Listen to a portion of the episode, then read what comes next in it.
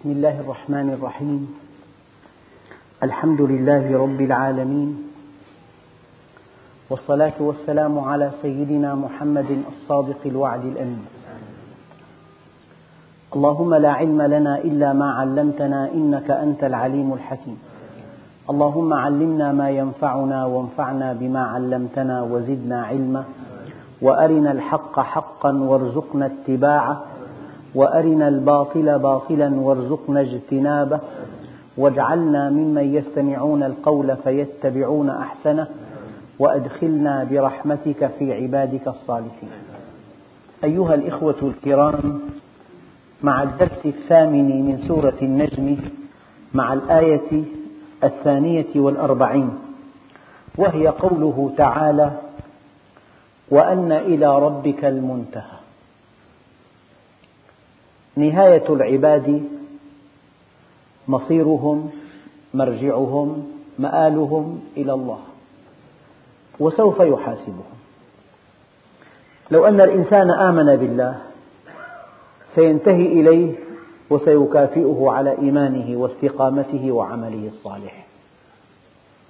لو أنه كفر بالله وأساء إلى الخلق سينتهي إليه وسيحاسبه على كفره وإساءته وتفلته لو أنه فعل ما فعل من إيذاء الخلق سينتهي إلى الله وسيحاسبه. لو أحسن سينتهي إلى الله وسيحاسبه. لو اتصل بالله سينتهي إليه وسيكافئه. لو ترك الصلاة سينتهي إليه وسيعاقبه. تصور ساحة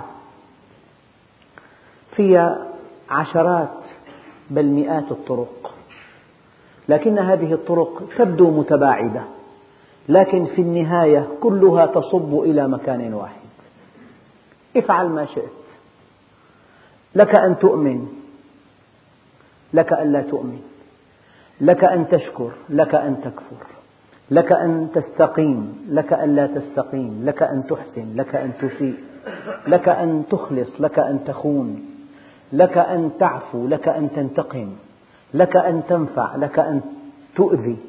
افعل ما شئت اعملوا ما شئتم. لا بد من أن تنتهي إلى الله. ما في طريق آخر؟ كل الطرق تنتهي إلى الله. والله سيحاسب كل إنسان على عمله. فأيها الإخوة الأكارم لو أن الإنسان عرف هذه الحقيقة في بداية حياته لشكل حياته ولضبط سلوكه وفق هذه الفكرة الخطيرة. يعني إذا الإنسان سافر إلى أي مكان سافر سوف يعاد به إلى بلده وسيحاسب عن كل كلمة قالها. لو أيقن هذا لا يتكلم كلمة خلاف الأصول. المؤمن الكافر الملحد الفاجر الفاسق يعني آمنت أو لم تؤمن. قلت الدين لا علاقة له بالحقيقة. قل ما شئت. لا بد من أن تنتهي إلى الله وأن يحاسبك الله عن كل أقوالك وأفعالك. وأن إلى ربك المنتهى. تحرك. ربنا عز وجل قال إن كيدي متين. المتانة صفة, صفة تؤكد مقاومة قوى الشد. أما القسوة تؤكد قوى الضغط. الألماس قاسي جدا. أما الفولاذ المطفور أمتن معدن في الأرض. لذلك المركبات التي تمشي على أسلاك يستخدمون الفولاذ المطفور. فالفولاذ المطفور أمتن معدن والألماس أقسى عنصر أقسى. فقوى الضغط تقابلها القساوة وقوى الشد تقابلها المتانة. فربنا عز وجل قال إن كيدي متين. الإنسان مربوط وفي أي لحظة هو في قبضة الله. اذهب إلى أي مكان شئت. لا تأمن الموت في طرف ولا نفس وإن تمنعت بالحجاب والحرس. فما تزال سهام الموت نافذة في جنب مدرع منها ومترف أراك لست بوقاف ولا حذر كالحاصب الخابط الأعواد في الغلس. ترجو النجاة ولم تسلك مسالكها إن السفينة لا تجري على اليبس. في أية مكانة كنت؟ وفي أي مكان كنت؟ يأتي بك الله عز وجل. والآية الكريمة ولكل وجهة هو موليها. فاستبقوا الخيرات. أينما تكونوا؟ يأتي بكم الله جميعا. إن إلينا إيابهم ثم إن علينا حسابهم. وأن إلى ربك المنتهى. اذهب يمينا يسارا شمالا جنوبا. اركب الطائرة غص في أعماق البحار. اصعد إلى القمر. أسس الشركات. اجمع الأموال. افعل ما تشاء. وأن إلى ربك المنتهى. سوف تحاسب عن كل كلمة وعن كل همسة وعن كل سكنة وعن كل تصرف صغيرا كان أو كبيرا. وإن إلى ربك المنتهى. هل حقيقة هي؟ إذا أيقنا بها لكانت حياتنا غير هذه الحياة. لاستقام الجميع على أمر الله. لسلكوا منهج الله. لطبقوا شرع الله. لخافوا من الله. في حساب دقيق. الإنسان في الدنيا أحيانا يحسب حساب لكل كلمة يقولها لأنه يعلم أنه سيحاسب. فكيف برب العالمين الذي يقول إن إلينا إيابهم ثم إن علينا حسابهم؟ وإن وأن إلى ربك المنتهى. وأن إلى ربك المنتهى. إليه ينتهي كل شيء. ينتهي إليه أهل الجنة وأهل النار والكفار والمؤمنون والملحدون والعصاة والطائعون والفجار. الناس جميعا كل الخلق ينتهون إلى الله. هذه الحقيقة؟ هذه الآية وحدها لو أيقنا بها لاستقمنا على أمر الله. إلى أين إلى أين الذهاب؟ اعملوا ما شئتم. أنتم راجعون إلى الله. تنتهون إليه. إن إلينا إيابهم ثم إن علينا حسابهم. هذا معنى الآية. فالإنسان أين يفر؟ لا مفر من الله إلا إلى الله. لا ملجأ منه إلا إليه. إن إلينا إيابهم. وأن إلى ربك المنتهى. ساحة عامة فيها مئة طريق. يمين يسار شمال جنوب. طريق مزدان بالأزهار طريق فيه معاصي طريق افعل ما شئت. أسلك أي طريق شئت. كل هذه الطرق سوف تلتقي في نقطة واحدة. عند هذه النقطة تحاسب على كل أعمالك. أنت الآن مخير. لكن, لكن بعد أن يأتي يوم الدين يوم الدينونة والجزاء يوم الحساب تحاسب عن كل شيء. هل حقيقة؟ لا بد من أن ندركها لكن قد ندركها بعد فوات الأوان بعد أن نصل إلى الله وأن ننتهي إليه وأن نلقى الحساب الدقيق وأن نعلم علم اليقين أن كل صغيرة وكبيرة محاسبون عليها. الإدراك في هذه اللحظة لا جدوى منه. إدراك جاء متأخرا. جاء بعد فوات الأوان العبرة أن تعرف الحقيقة في الوقت المناسب.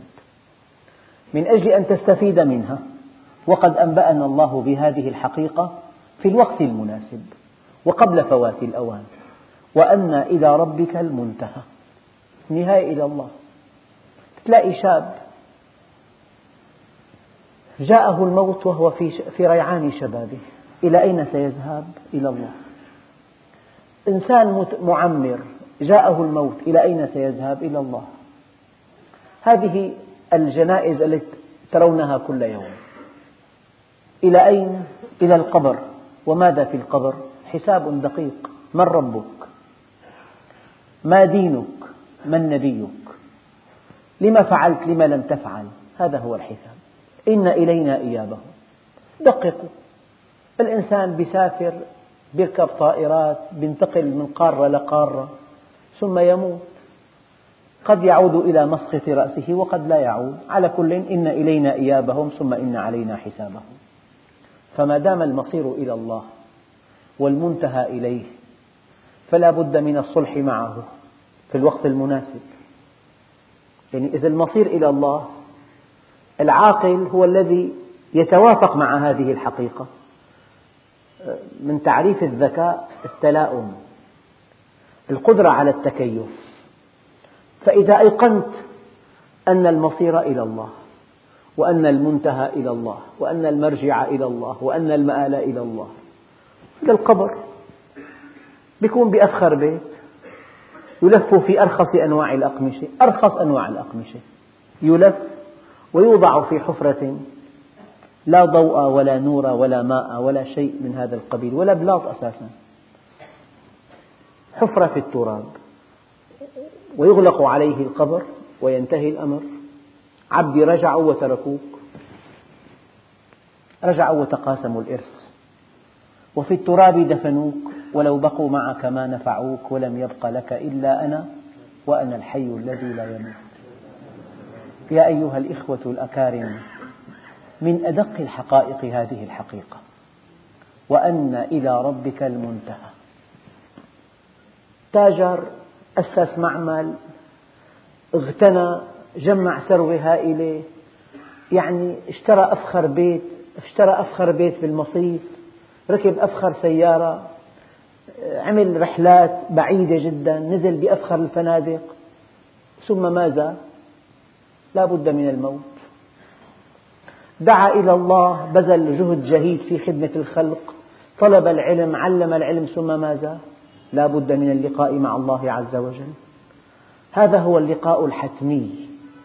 فالعاقل هو الذي يتكيف مع هذا اللقاء.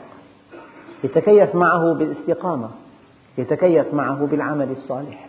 وأن إلى ربك المنتهى. ما في طريق سالك لغير الله عز وجل؟ لو كان في طريق آخر نفد فلان. التعبير العامي دبر حاله. ما في. في طريق آخر في مصير آخر في إله آخر نلجأ له. لاجئ أيام الإنسان يضغط عليه بيلجأ لبلد آخر. بيقبلوه لاجئ بيكرموه. في إله آخر تلجأ له. إن إلينا إيابهم ثم إن علينا حسابهم. وأن إلى ربك المنتهى. أينما تكونوا يأتي بكم الله جميعا. في أي مكان كنت وفي أية مكانة كنت. نعم. الملوك تموت والأنبياء يموتون والأغنياء يموتون والفقراء يموتون والأصحاء يموتون والمرضى يموتون. يعني طبيب ألف كتاب جمع فيه مقالات متناثرة في عشرات المجلات. فوائد هذا الغذاء كيف يجب أن تنام؟ كم ساعة ينبغي أن تنام؟ نصائح لا تعد ولا تحصى. في الحياة اليومية في تناول الأغذية في, في الرياضة. ثم يفاجأ الإنسان أن هذا الطبيب الذي قدم مئات النصائح آلاف النصائح مات. والأطباء يموتون. وأطباء القلب يموتون. وأطباء الجهاز الهضمي يموتون بأمراض هضمية أحيانا. إن إلينا إيابهم ثم إن علينا حسابهم. فيا أيها الإخوة هذه حقيقة. إن أنكرناها واقعة بنا. في نقطة مهمة جدا. يعني مثلا إنكارك للشيء لا يلغي فاعليته. إذا أنكرنا هذه الحقيقة لا تلغى الحقيقة. الآية مطبقة علينا. اعترفت بها أو لم تعترف؟ آمنت بها أو لم تؤمن؟ وأن إلى ربك المنتهى. المصير إلى الله. المرجع إليه. المآب إليه. النهاية إليه. عنده الحساب. وعنده الجزاء. وعنده جنة وعنده نار. والجنة لمن أطاعه والنار لمن عصاه. وهذا الكلام نعرفه في الوقت المناسب ونحن أحياء وفي حياتنا بقية وقلبنا ينبض ونحن أصحاء. والنبي عليه الصلاة والسلام يقول اغتنم خمسا قبل خمس شبابك قبل هرمك وصحتك قبل سقمك. وغناك قبل فقرك وفراغك قبل شغلك وحياتك قبل موتك. فإذا العقل كل العقل. والذكاء كل الذكاء والفلاح كل الفلاح والفوز كل الفوز. في التكيف مع هذه الآية إن إلينا إيابهم ثم إن علينا حسابهم وأن إلى ربك المنتهى. هذا معنى. هناك معنى آخر للآية. النبي عليه الصلاة والسلام تلا هذه الآية وقال فيما يروى عنه لا فكرة في الرب. أنت يمكن أن تفكر في مخلوقاته. فكر ما شئت. كلما فكرت في خلق الله ازددت معرفة به وازددت تعظيما له وخشية له. لكنك إذا وصلت إلى الخالق لا ينبغي أن تفكر في ذاته عندئذ تهلك. لأنه لا يحيطون بشيء من علمه إلا بما شاء. مستحيل أن تحيط بالله عز وجل. لك أن تفكر في خلقه وليس لك أن تفكر في ذاته. إنك إن وصلت إليه انتهي هنا. لا تعمل عقلك في ذاته لأن هذا مهلكة لك. وأن إلى ربك المنتهى. يعني أنت تركب مركبة هذه المركبة ممكن أن تصل بك إلى ساحل البحر. لكن هذه المركبة ليست مهيئة أن تمخر بها عباب الموج تغرق. مركبة أرضية. تنقلك إلى الساحل. وليست مجهزة أن تخوض بها آه، أعماق البحر. فالإنسان يفكر في مخلوقات الله لكن لا ينبغي أن يفكر في ذاته فيهلك. لذلك كل إنسان فكر في ذات الله أهلكه الله.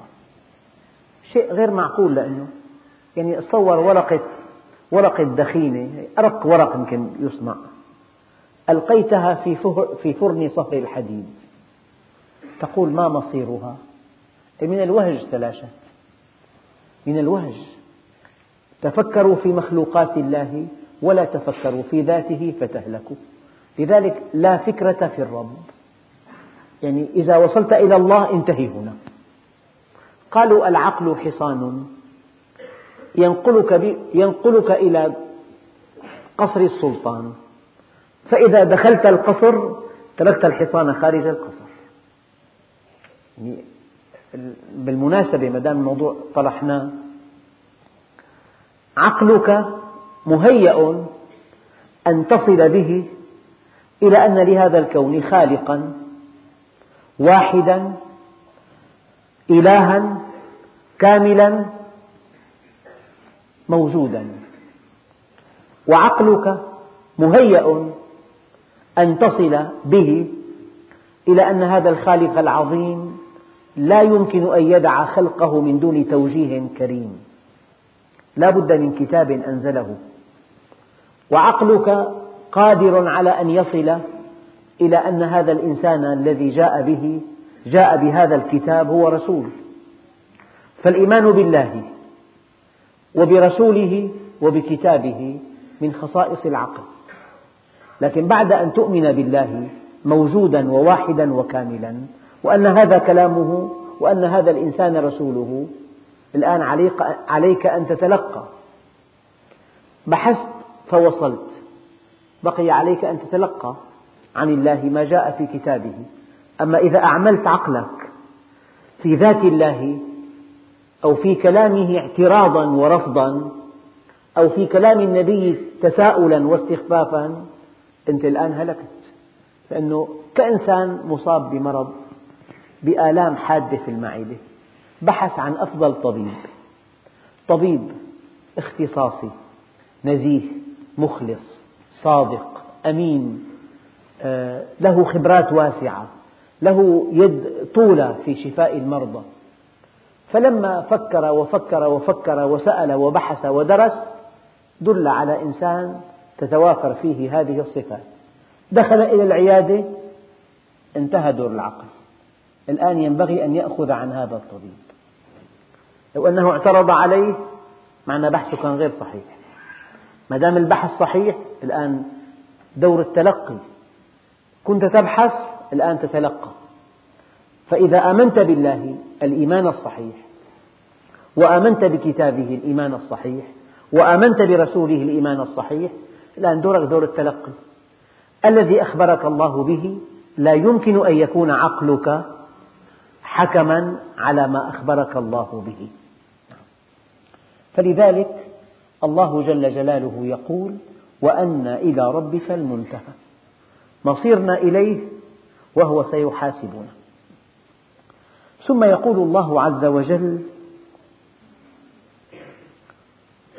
وأنه هو أضحك وأبكى من خلق في الإنسان خاصة الضحك؟ الله جل جلاله. وخاصة البكاء الله جل جلاله. يروي بعض العلماء أن القرد وحده هو الذي يضحك من بين الحيوانات ولكن لا يبكي وأن الجمل وحده يبكي ولا يضحك وما سوى ذلك لا يبكي ولا يضحك. أما الإنسان يضحك ويبكي فمن خلق في الإنسان خاصة الضحك ومن خلق في الإنسان خاصة البكاء. الله جل جلاله. ثم من خلق أسباب الضحك وأسباب البكاء؟ يرزق الإنسان فيضحك. إذا واحد عمل ميزانية ولقى ربحه جيد تلاقي غير وضع. تألق عيناه زئبقيتان تورد خده شعر بنشوة النجاح مسعد. أخذ شهادة نجح بدرجة ممتازة. بيبقى شهر تلاقي متألق غير حكي غير ترتيب غير مشي غير أناقة. النجاح مسعد من الذي أعطاك أسباب الضحك؟ الله جل جلاله. من الذي سمح لك أن تضحك؟ الله جل جلاله. إنسان متزوج زوجته مخلصة جلس مع أهله وأولاده. صار حديث لطيف ضحك. هذا الضحك سببه أنه في لك أهل ولك أولاد وفي محبة وما في عداء. ما في دعاوى بالمحاكم. وفي إخلاص وفي محبة. من يسر لك أسباب الضحك؟ هو الله عز وجل. الصحة طيبة. لو في أي, أي تقرير يشعر أنه في ورم ما عاد في ضحك إطلاقا. انتهى. فشل كلوي ما بقى في ضحك. تشمع كبد ما في ضحك. خسرة بالدماغ ما في ضحك. أليس كذلك؟ ما دام في معافاة في الصحة معناها في ضحك يضحك الإنسان. مرح إذا كان كان آمنا في سربه معافى في جسمه عنده قوت يومه يضحك إذا كان طرفة مضحكة يضحك من أعماقه. فالله عز وجل خلق أسباب الضحك. خلق خاصة الضحك. وخلق أسباب الضحك. وأضحك أناسا وأبكى أناسا. الآن حدث واحد يضحك منه إنسان ويبكي منه إنسان.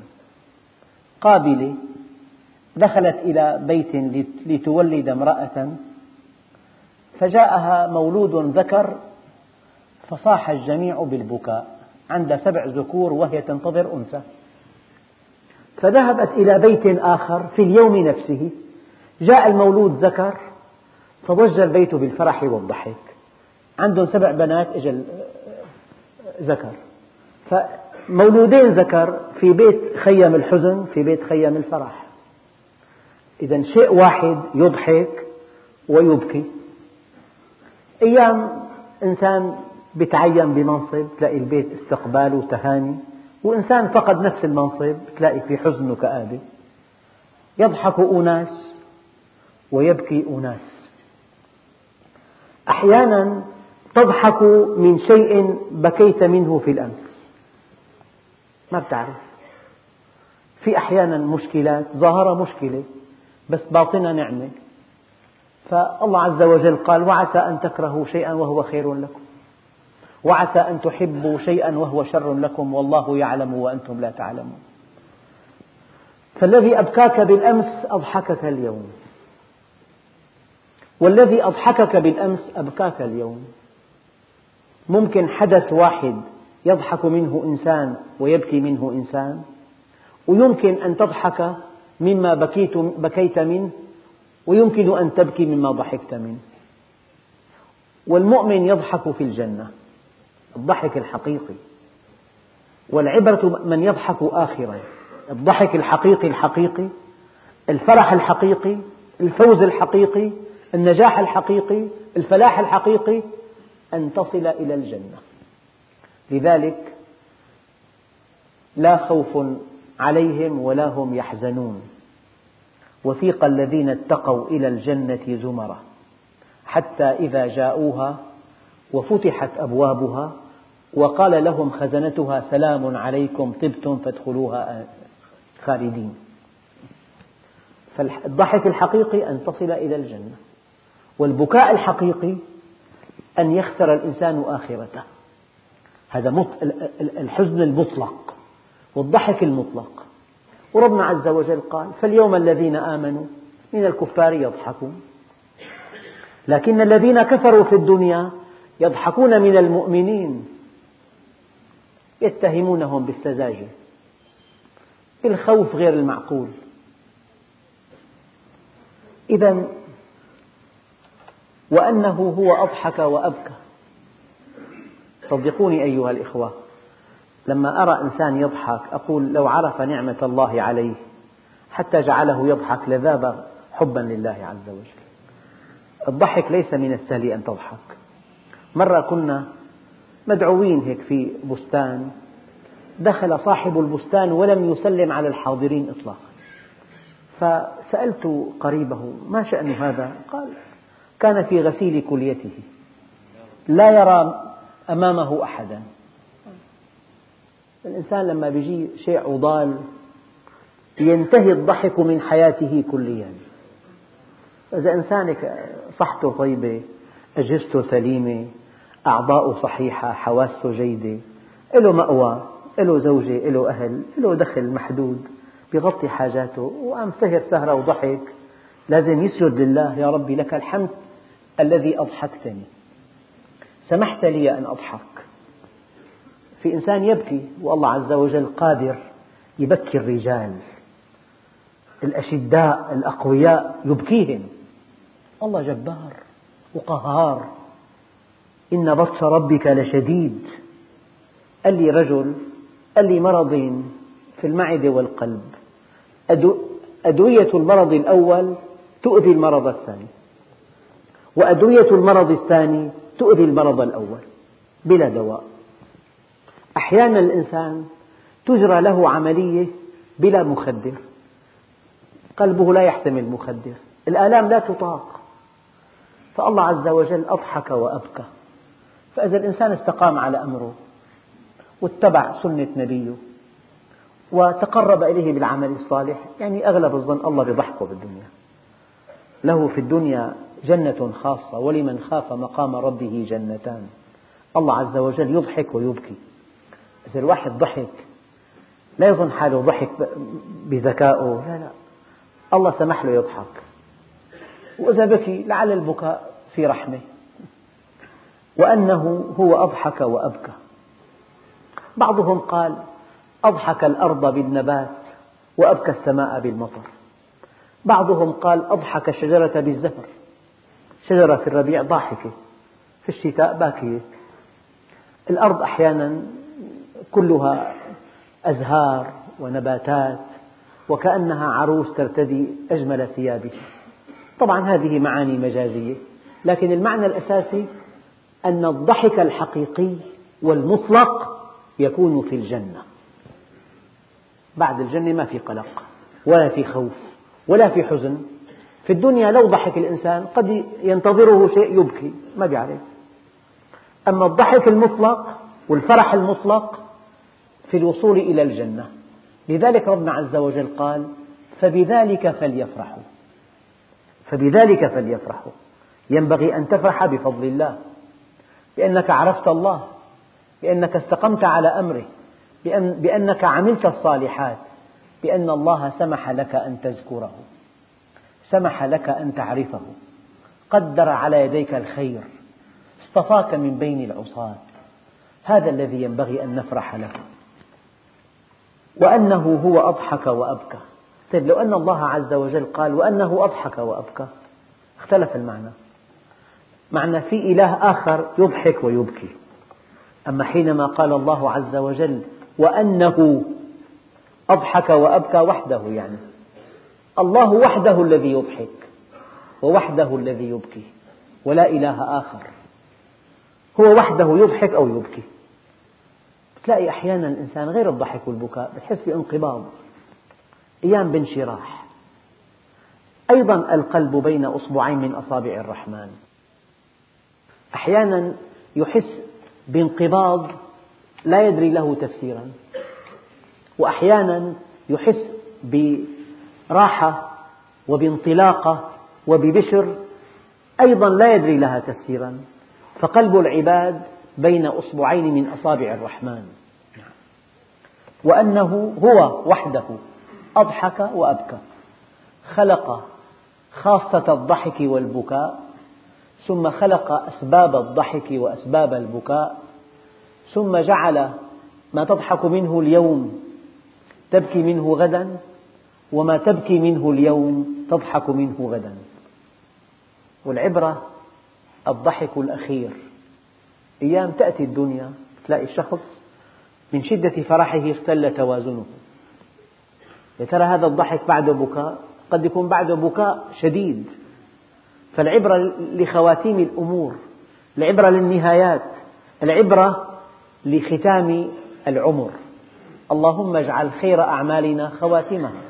وخير أيامنا يوم نلقاك. نلقاك وأنت راض عنا. وأنه هو أمات وأحيا.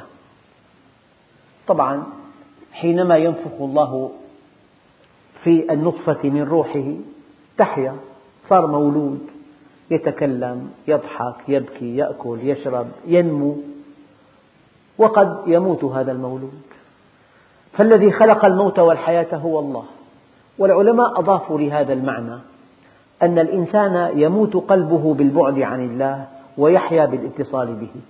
والدليل يا أيها الذين آمنوا استجيبوا لله وللرسول إذا دعاكم لما يحييكم.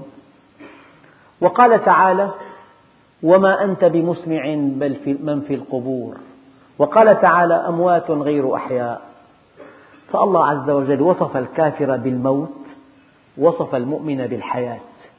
فهناك حياتان حياة الجسد وحياة القلب. وهناك موتان موت الجسد وموت القلب. الكفار وهم في أوج حياتهم موتى يا بني مات خزان المال وهم أحياء. والذين آمنوا بالله وعملوا الصالحات وهم في قبورهم أحياء. ولا تحسبن الذين قتلوا في سبيل الله أمواتا بل أحياء عند ربهم يرزقون. فالإنسان يحيا ويموت. يحيا جسمه ويموت جسمه ويحيا قلبه ويموت قلبه. وأنه هو أمات وأحيا. لذلك كلمة الحق لا تقطع رزقا ولا تقرب أجلا. هو أمات وأحيا. وأنه خلق الزوجين الذكر والأنثى من نطفة إذا تمنى. والآية هي فيها إعجاز علمي. طبعا بعد تقدم العلوم الطبية تبين أن جنس المولود ذكرا كان أو أنثى لا تحدده البويضة بل تحدده النطفة. ولهذا البحث تفصيلات طويلة هناك في العرى الملونة. عروة شكلها X وعروة شكلها Y فالنطفة وحدة تحدد ما إذا كان المولود ذكرا أو أنثى. فهذا الذي يغضب من زوجته إذا أنجبت له الأنثى جاهل. جاهل لا يفقه شيئا. الذكر منه والأنثى منه وأنه خلق الزوجين الذكر والأنثى. والأصح من ذلك يهب لمن يشاء إناثا ويهب لمن يشاء الذكور أو يزوجهم ذكرانا وإناثا ويجعل من يشاء عقيما. أن تكون أن يكون الأولاد كلهم ذكورا من الله. أن يكون الأولاد كلهم إناثا من الله. أن يكونوا ذكورا وإناثا من الله. أن يكون الإنسان عقيما من الله. هذا كلام الله عز وجل. وأنه خلق الزوجين الذكر والأنثى من نطفة إذا تمنى. وهذه النطفة في اللقاء خمسمئة مليون حوين. تختار البويضة أقوى هذه الحوينات. والحوين في عليه خمسة آلاف مليون معلومة مبرمجة. خمسة آلاف مليون معلومة مبرمجة. هذا اسمه علم الوراثة الآن الآن العلم الأول بالعالم. مبرمجة. وكذلك البويضة. وحينما تلقح البويضة يبدأ الانقسام. في طريق البويضة من المبيض إلى الرحم تنقسم هذه الخلية الملقحة إلى عشرة آلاف قسم دون أن يزيد حجمها. والموضوع طويل وعلم الأجنة يقدم لنا حقائق مذهلة عن عظمة الخلق. نعم. وأنه خلق الزوجين الذكر والأنثى من نطفة إذا تمنى وأن عليه النشأة الأخرى. سيعاد خلقنا من جديد وسينفخ في بقية أجسامنا التي في القبور وسوف يعاد خلقنا لنحاسب على أعمالنا كلها. وأن عليه يعني الله عز وجل إذا جاءت على متعلقة بذاته جل جلاله يقولون تفيد الإلزام الذاتي. وأن عليه النشأة الأخرى. سوف يعاد خلقنا مرة ثانية لنحاسب على أعمالنا كلها. وأنه هو أضحك وأبكى وأنه هو أمات وأحيا وأنه خلق الزوجين الذكر والأنثى من نطفة إذا تمنى وأن عليه النشأة الأخرى وأنه هو أغنى وأقنى. هو الذي يغني. هناك أذكياء جدا كل ذكائهم لم ينفعهم في أن يغتنوا. ولو كانت الأرزاق تجري مع الحجى هلكنا إذا من جهلهن البهائم. الله يغني ويفقر وأنه هو أغنى. بعض العلماء قالوا أقنى أفقر. يعني أغنى وأفقر. أضحك وأبكى أمات وأحيا. وبعضهم قال أقنى من القنية. يعني أعطاه شيء أشياء ثمينة ملكه أشياء؟ بعضهم قال أقنى أخدم. يعني أغناك وجعل قلوب الخلق تميل إليك. هذا من فضل الله عز وجل. بعضهم قال أقنى أخدم وأرضى. أيام الله يعطي إنسان مال كثير وهذا الإنسان لا يرضى عن الله. تلاقي رجل عطيه شيء قليل وهو راضي عن الله.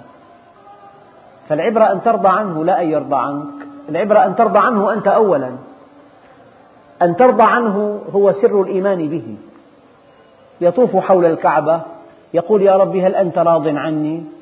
وراء الإمام الشافعي قال له يا هذا هل أنت راض عن الله حتى يرضى عنك؟ قال يا سبحان الله من أنت يرحمك الله؟ قال أنا الشافعي محمد بن إدريس. قال كيف أرضى عنه وأنا أتمنى رضاه؟ قال يا هذا إذا كان سرورك بالنقمة كسرورك بالنعمة فقد رضيت عن الله.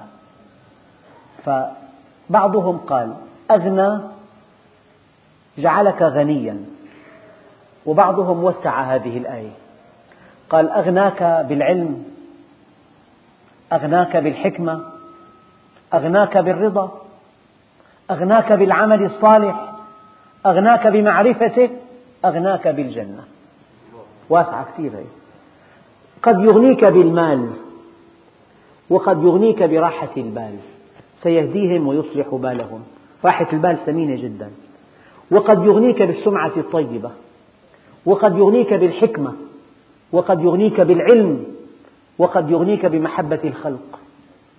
وقد يغنيك بالعمل الصالح. يجري على يديك أعمال كبيرة جدا. هلا مليار ومئتين مليون مسلم في صحيفة النبي عليه الصلاة والسلام. إلى أي مكان ذهبت في العالم كل المسلمين في صحيفة النبي؟ بربع قرن غير وجه الأرض. سيدنا عمر قال أنا ما أنا إلا حسنة من حسنات أبي بكر. أنا كلياتي عملاق الإسلام حسنة من حسنات أبي بكر. مرة قال له واحد ما رأينا أفضل منك بعد رسول الله. فأحد فيهم النظر وقال خافوا فقال أحدهم لا والله لقد رأينا من هو خير منك.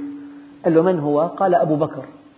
قال لقد كذبتم جميعا وصدق. عد سكوتهم كذبا. قال والله كنت أضل من بعيري. وكان أبو بكر أطيب من ريح المسك. ولما وقف على المنبر نزل درجة. تعجبوا. قال العمر رضي الله عنه ما كان الله ليراني أن أرى نفسي في مقام أبي بكر.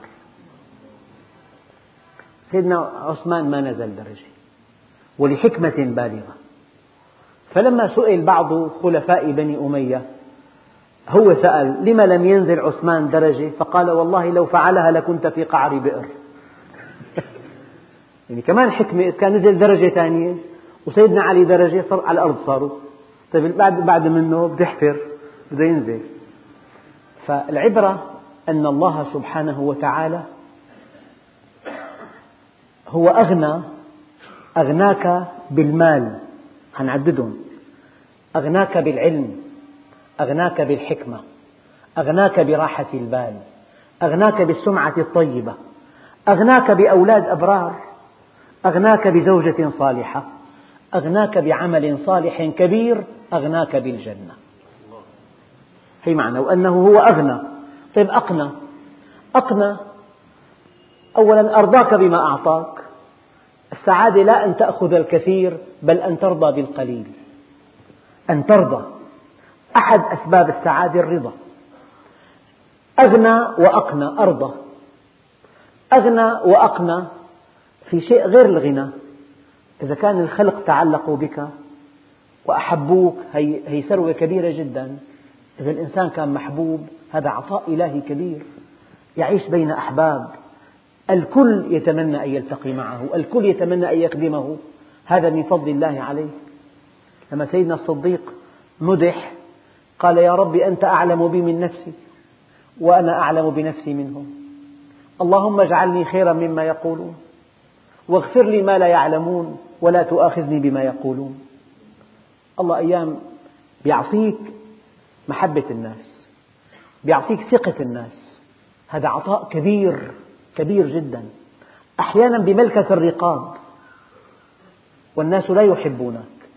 أحيانا بملكة القلوب وهذا العطاء الحقيقي. الأقوياء ملكوا الرقاب لكن الأنبياء ملكوا القلوب. وفرق كبير بين أن تملك الرقاب وأن تملك القلوب. أغنى وأقنى المحبة الرضا الخدمة. وبعضهم قال أفقر. أغنى وأقنى أغنى وأفقر. والغنى أوسع شيء في الجنة. وأنه هو أغنى وأقنى. وأنه هو رب الشعرى قال الشعرى أبعد من الشمس بمليون ضعف. بعد الشمس عن الأرض 156 مليون كيلومتر. ضرب مليون. بعد نجم الشعرة. وقال قوة إضاءته خمسين ضعف. وكتلته عشرين ضعف عن الشمس. والعرب كانوا يعبدونه من دون الله. فربنا نبههم قال هذا النجم الذي تعبدونه مربوب وليس ربا. وأنه هو رب الشعرى نعم. ثم يقول الله عز وجل وأنه أهلك عادا الأولى وثمود فما أبقى وقوم نوح من قبل إنهم كانوا هم أظلم وأطغى والمؤتفكة أهوى فغشاها ما غشى فبأي آلاء ربك تتمارى درسنا اليوم وأن إلى ربك المنتهى بمعنيين وأنه هو أضحك وأبكى وأنه هو أمات وأحيا وأنه خلق الزوجين الذكر والأنثى من نطفة إذا تمنى وأن عليه النشأة الأخرى وأنه هو أغنى وأقنى وأنه هو رب الشعرى وفي درس أخير إن شاء الله القادم إن أحيانا الله نتابع تفسير الآيات وبهذا تنتهي سورة النجم والحمد لله رب العالمين.